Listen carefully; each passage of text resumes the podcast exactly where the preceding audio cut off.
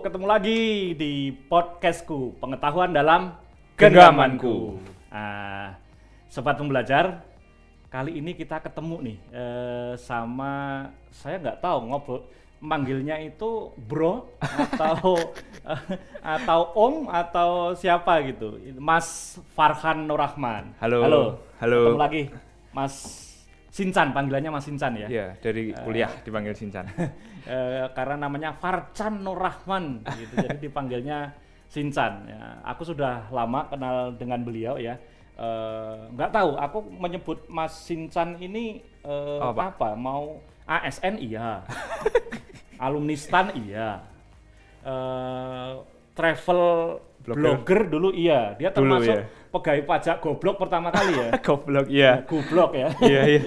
dan dia dulu tahun berapa itu Mas Incan kan pernah eh, top 10 travel blogger terbaik di Indonesia Iya. itu tuh 2015 sampai 2018 mungkin, Pak. gitu ya travel Iya. blogger Waktu blog masih naik kan habis itu ganti YouTube kan Oh, trennya. di YouTube ya luar biasa dulu dan eh, apa ASN travel blogger eh, selebgram twitternya centang biru loh dia twitternya centang biru itu kalau saya nge- eh, nge-tweet tuh kalau penting saja beliau nonton MU saja sekali main itu nge-tweet Maguire bisa 15 kali kemarin Iya, Maguire soalnya blunder mulu, Pak. Oh blunder mulu.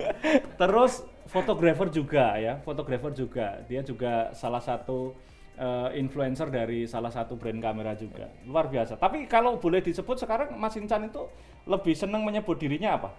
Oh, saya mending ke sosial media spesialis, Pak. Oh sosial media spesialis. Wah keren dong. Nanti eh, kalau di Pusdiklat Keuangan Umum ada pelatihan atau ada e-learning tentang sosial media bisa bantu dong ya? Boleh, Pak, siap. Siap luar bantu biasa karena kebetulan bisa sih udah punya ilmunya waktu di Australia juga saya ikut diploma kuliah.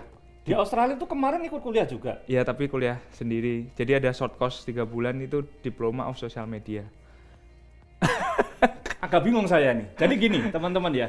Eh istrinya eh, Mas Incan ini kerja di eh, keuangan Kementerian Keuangan juga di DJPPR ya. Ya di CPPR. DJPPR kebetulan tahun 2000 berapa ke Australia kemarin? 2019 awal. 2019 awal itu dapat S2 ke Australia di Melbourne ya. Iya Unimap. Eh, di Melbourne. Nah, Mas Incan ini ngambil cuti di luar tanggungan negara untuk ngikutin istrinya. Bayangan saya waktu itu, ah anak ini kan kerjanya travel tuh ya. Ini pasti pasti mau main-main aja itu ke sana itu cuma eh, pengen di Pengen Australia itu kan. ya. Kan kalau konon sih kalau di Australia itu duit beasiswa itu cukup untuk hidup di Cukup, sana gitu cukup. kan. Eh, keluarga itu udah Iya. cukup gitu. Nah, bayangan saya itu dia mau main-main aja gitu. Nah, ternyata eh, nanti mau cerita sendiri juga nih. Ternyata di sana itu dia melakukan banyak hal. Oh, luar biasa yang dilakukan. Tapi kok tadi bilang eh, sempat kuliah ini jadi jadi aneh. Bisa diceritakan waktu di Australia itu Haha. Mas Incan ngikutin istrinya itu selama di sana ngapain aja? Oh iya. Aku sih lihat di Facebook itu kayaknya palu Sat- gada itu kan. Jadi kenapa ke Australia karena eh, pertama memang istri saya ikut AAS terus lolos. ya. Jadi percobaan pertama dia langsung lolos mm-mm. Pak. Eh, terus ya udah saya bilang waktu itu sebenarnya saya juga lagi proses beasiswa juga sih Pak. Ah. Jadi waktu itu perjanjiannya siapa aja yang, duluan. keterima ah. kita jalan. Oh, Jadi saling ikut lah istilahnya. Jadi ini masalah kalah pinter atau kalah cepet ini? Kalah cepet pengumuman Pak. Oh. Jadi waktu itu saya lagi lagi ke Jepang ya, ikut proses yang ke Jepang. Istri saya udah keterima ke Australia. Oh ya udah Oh, iya. berarti saya ikut istri aja. Nah alhamdulillahnya ternyata Australia itu saya juga baru tahu pas apply visa ternyata kalau kita ik- baik istri saya maupun saya kalau di Australia itu boleh kerja. Jadi Oke. memang di visa le- secara legal boleh. Jadi Oh, ya gitu. udah. Oh, bayangan saya dulu kayak susah nyari kerja. Oh, ternyata malah legal. Oh, ya udah. Legal. Kerjanya apa aja itu? Kan biasanya harusnya ada license kerja apa? Misalkan ngambil license fotografer ya fotografer aja gitu. Oh ya, memang kalau di sana license. Pak, dulu Oh. saya pertama masuk itu pengennya masuk ke hospitality ya. Heeh. Oh, jadi saya kursus dulu. Pertama saya kursus barista malah. Ya. Terus itu udah lulus. Eh, terus saya dapat kerjaan jadi travel guide. Oh, travel guide. Tour Oh, guide, sem- tour guide. Tour guide. Haha. Sempet anu laku juga di sana jadi tour guide. Laku Pak Raffi Ahmad, Pak. Oh, Raffi Ahmad Raffi Ahmad. sama Ari Amphibia itu juga ya? Iya, Ari ya. Gratisan Gratis, kalau itu. gratisan, Pak. area amfibi minta yang aneh-aneh ininya waktu itu. Oh. Oh, jauh kita eh, drivingnya, mungkin dua jam ada ke Phillip Island. Oke. Terus selain tour guide apa itu waktu itu dulu? Ah itu tahun pertama tour guide pak. Oke. Tour guide doang terus sama ngantar koran sih pak. Weekend ngantar koran. Mhm. Terus sama sempet Ngantor program harian gitu? eh, minggu, saya mingguan. Oh mingguan. Heeh, jadi ada kalau yang orang Pakai apa itu ngantor korannya pakai apa waktu itu? Sepeda? pakai truk, Oh pakai truk? pakai van, pakai van. Pakai van. Jadi kalau orang punya SIM internasional emang? waktu itu masih SIM internasional. Oke. Terus wa- eh, waktu itu eh, sempat nyoba cleaning tapi saya nggak kuat pak, Oh gitu. terlalu capek. Heeh. Un- karena udah habis di tour guide sama di Oke. di koran itu. Terus tiba-tiba corona ya udah kita ganti pekerjaan. Oh ya sempet ke corona. Corona. oh, Jadi Februari pertengahan itu udah eh men- bos saya di tempat tour guide itu udah ngasih tahu ini bakalan sepi karena ada kasus di Oke. Cina. Nah, terus setelah corona kerjanya ngapain aja sambat? Naik sepeda Brompton itu. Aduh, Iri di- dibuka, di sana itu- dibuka. ya tapi kan di sana beli second murah konon ya. Murah. Brompton. Waktu itu Brompton yang punya saya kan dua-duanya special edition pak. Ah. Itu kalau di kurs di Indonesia cuma 15 juta Ah, satunya. semi- murah banget ya. Iya, memang karena harga se- sepeda di Melbourne itu karena sepeda adalah Itu baru atau second? second pak, second, Oh, setahun second, lah. second. Karena kalau di Melbourne itu yang pertama Brompton nggak laku Hmm. karena orang cenderung sepeda besar kan dan Oke. sepeda besar itu kebutuhan pokok jadi murah harganya. Oh, I see, I see. Nah, terus selain selain sepedaan itu apain aja pas Covid itu? Pas Covid itu saya waktu itu apply eh, diterima kerja di perusahaan Shockbaker pak Shockbaker jadi apa itu kerja di sini? di gudang jadi untuk kalau namanya dispatcher dispatcher itu yang eh, ngirim barang ke Oh, ekspedisi. jadi ekspedisi. tukang input terus eh, Sempet wrapping gitu. terus gitu-gitu Berapa Nah, bulan itu? Kalau Oh sampai sampai pulang pak. Eh, Sampai pulang. Yang kayaknya sempat ke apa eh, perusahaan ekspedisi yang sampai port Oh ya ya itu itu gini ceritanya. Jadi saya Oh, wah, semuanya kayaknya dikerjain ini. jadi Januari sampai Maret itu saya eh, di di perusahaan perusahaan apa namanya Shockbaker itu sempat kontrak sebentar Hmm. karena mereka lagi proses merger dan Iya. eh, nata gudang kan. Saya Ah. ikut itu terus Oh, gitu. Maret corona kan lockdown total tuh pak. Iya, iya, iya. Nah saya keterima Amazon. Oh, Amazon Amazon. Amerika dia Ah. bikin gudang di Melbourne untuk pengantaran paket saya jadi kurir Amazon. Wah, keren juga ya. Alhamdulillah itu gede Amazon banget sih, gajinya. tapi, tapi tetap kurir. Gajinya tapi gede ya? Gede pak. Kalau dihitung, nih rate-nya ya kalau per jamnya kalau hari kerja 25 dolar Per jamnya. per jam. 25 dolar 250.000. 250 ribu. Heeh. Kalau sehari kalau 4 jam saja itu sudah sejuta. iya itu kan padahal sehari 8 jam kan kerjanya. Iya, 8 Iya. jam sehari udah tunggu tunggu ini dihitung ini baru baru itu aja loh ya. ini ini ini dengan catatan beasiswa istrinya sudah buat Ya, beasiswa buat saya udah urusan. makan. Ya, ya. Duitnya ditabung semua itu. Duit saya kerja emang nggak keluar pak, Oh, langsung nggak masuk keluar? tabungan. Nanti saya, nanti mau saya hitung nih. Mas. Terus kalau weekend kan rate rate-nya beda pak kalau iya. Australia. Kalau weekend itu Lebih mahal. lebih mahal. Jadi 30 dolar per jam. 30 dolar. Itu weekend Sabtu. Kalau weekend Minggu jadi 40 dolar sejamnya. Dua kali lipat ya. Iya, dua kali lipat. Memang Oh. aturannya kayak gitu. Normalnya. Sampai berarti ketika istri lulus agak nyesel juga dong. Ah, iya, iya. ya kan harus harus balik ke sini loh Iya. ya, harus balik ke sini. Jadi pas pas setelah setelah Amazon tiga bulan itu, eh perusahaan yang lama manggil lagi. Oh gitu. Oh, oh, kamu mau nggak? Tapi ini udah posisinya permanen lah sampai Hmm. ya mungkin sampai kamu habis visanya. Oh ya udah, Hmm. saya masuk lagi pak ke Oh, masuk perusahaan. Karena kalau Amazon itu kan Kayak ya memang gitu gajinya Gede, gede, tapi, capek kan harus ke mana-mana. gitu ya. Oh, oh, harus- aku harus. sempat sempat melihat statusnya eh, Shinchan pas mau masuk kota di diberhentikan itu kan, Oh, oh. di truk gitu kan. Heeh. Kalau yang itu nganter Oke. nganter truk pak ke Canberra. Oh, siap siap. Karena waktu itu udah punya SIM. Aneh-aneh pekerjaannya ya. Bahkan kalau nggak salah itu ya, kalau nggak salah nih teman-teman ya. Eh, Shinchan ini di sana itu pernah eh, apa? Nggak tahu kalau orang Jawa bilang itu nanam lumbu. Oh Tahu iya iya ya? iya iya pernah Itu pernah. katanya na- cuma nanam itu ceritanya tuh lucu banget tuh. Bisa diceritain itu. Jadi di Australia itu cari kerja sebenarnya mudah pak dan Ah. gampang ya. Nah itu saya dapat pekerjaan dari situs freelancer. Hmm. Jadi ada situs freelancer yang Freelancer. palu gada memang. Jadi Ah. kamu bisa ngerjain apa aja. Nah itu Oke. pekerjaannya nanam talas memang. Oh, nanam talas. Oh, Di jadi a- kebun atau di pot? di apa sih namanya kalau di sini nursery ya? Ah, oh nursery. Nah, gitu. jadi dia nursery baru, Hmm. terus dia ada bibit-bibit lumbu Ah. segini-segini. Nah itu kecil-kecil gitu. Heeh, dari pembibitan ditaruh ke pot yang mau dijual. Oh gitu. Ha-ha. Terus Itu- satu sekali nanam berapa hitungannya per tanaman? Per jam. Per jam. Per jam 24 24 dolar. Nanam gini doang. Mindah dari media tanam ke pot buat Bayangkan dijual. kalau lumbu itu juga ada gede, itu kecil-kecil. Kecil segini-gini. Wah itu mau kas- mau itu pekerjaan Itu pekerjaan kecil itu kan. di zaman SD, Pak. Zaman SD dan itu nggak ada bayarannya gitu kan. Iya. Asem kan. Jadi teman-teman bisa ngitung ini.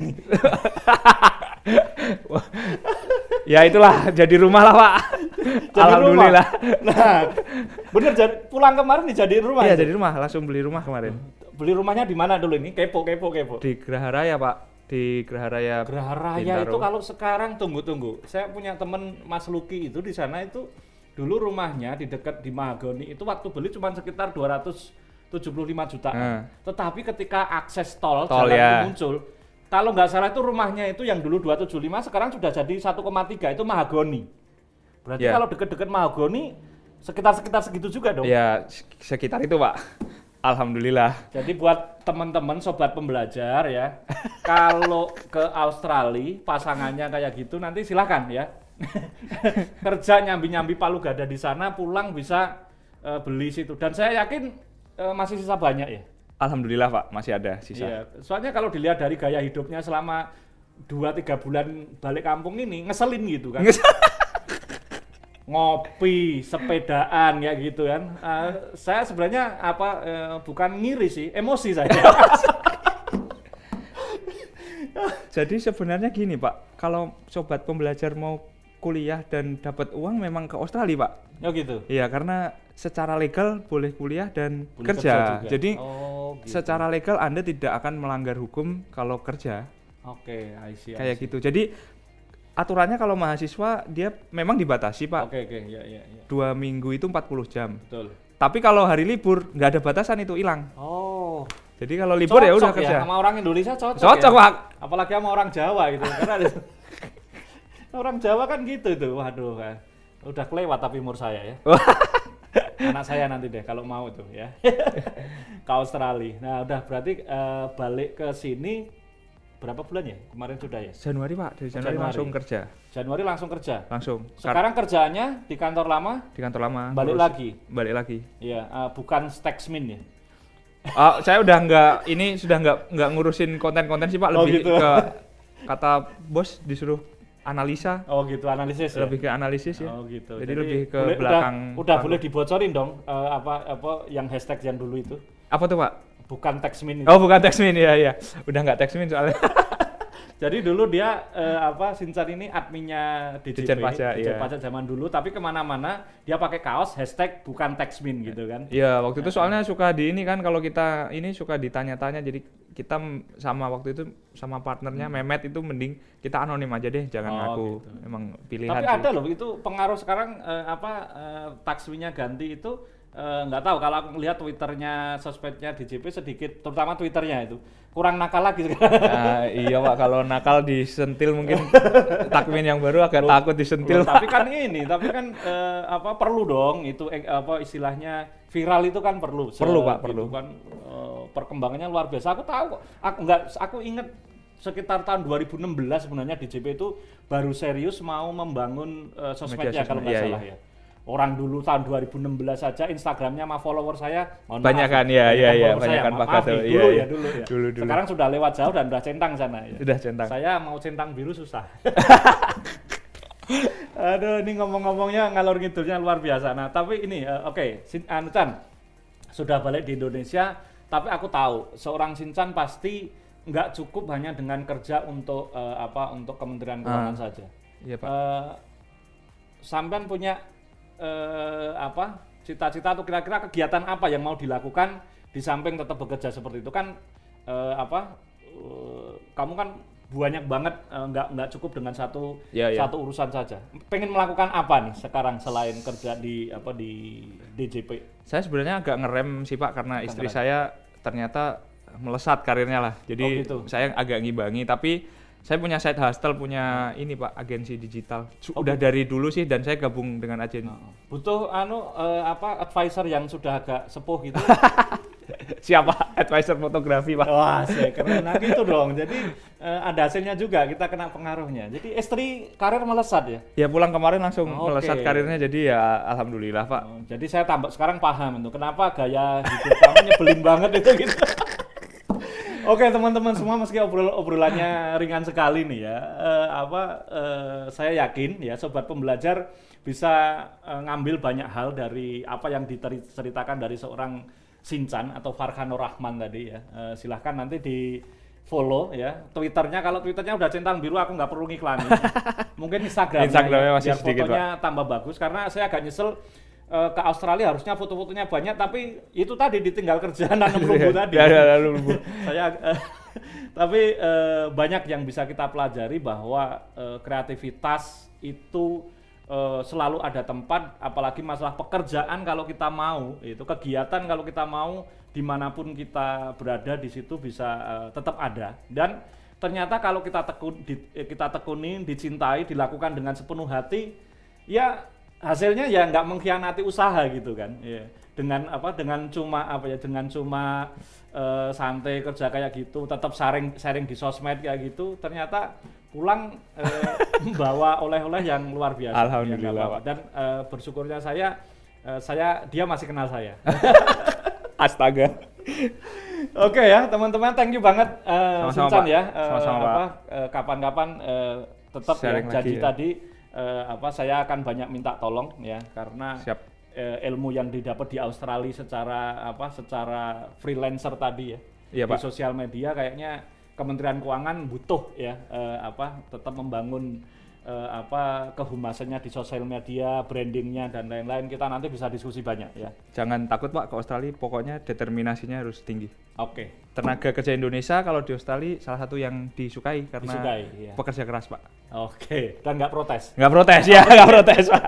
Pekerja keras dan nggak Oke protes. ya, teman-teman semua sobat pembelajar ya, eh, apa eh, asik banget obrolannya. Pasti apa eh, kurang gitu, tapi harus di apa harus dipotong dulu. Eh, nggak apa-apa, nanti kita bikin topik baru baru lagi karena dia eh, ilmu dan pengalamannya banyak sekali ya. Stay tune di podcastku pengetahuan dalam Genggamanku. genggamanku.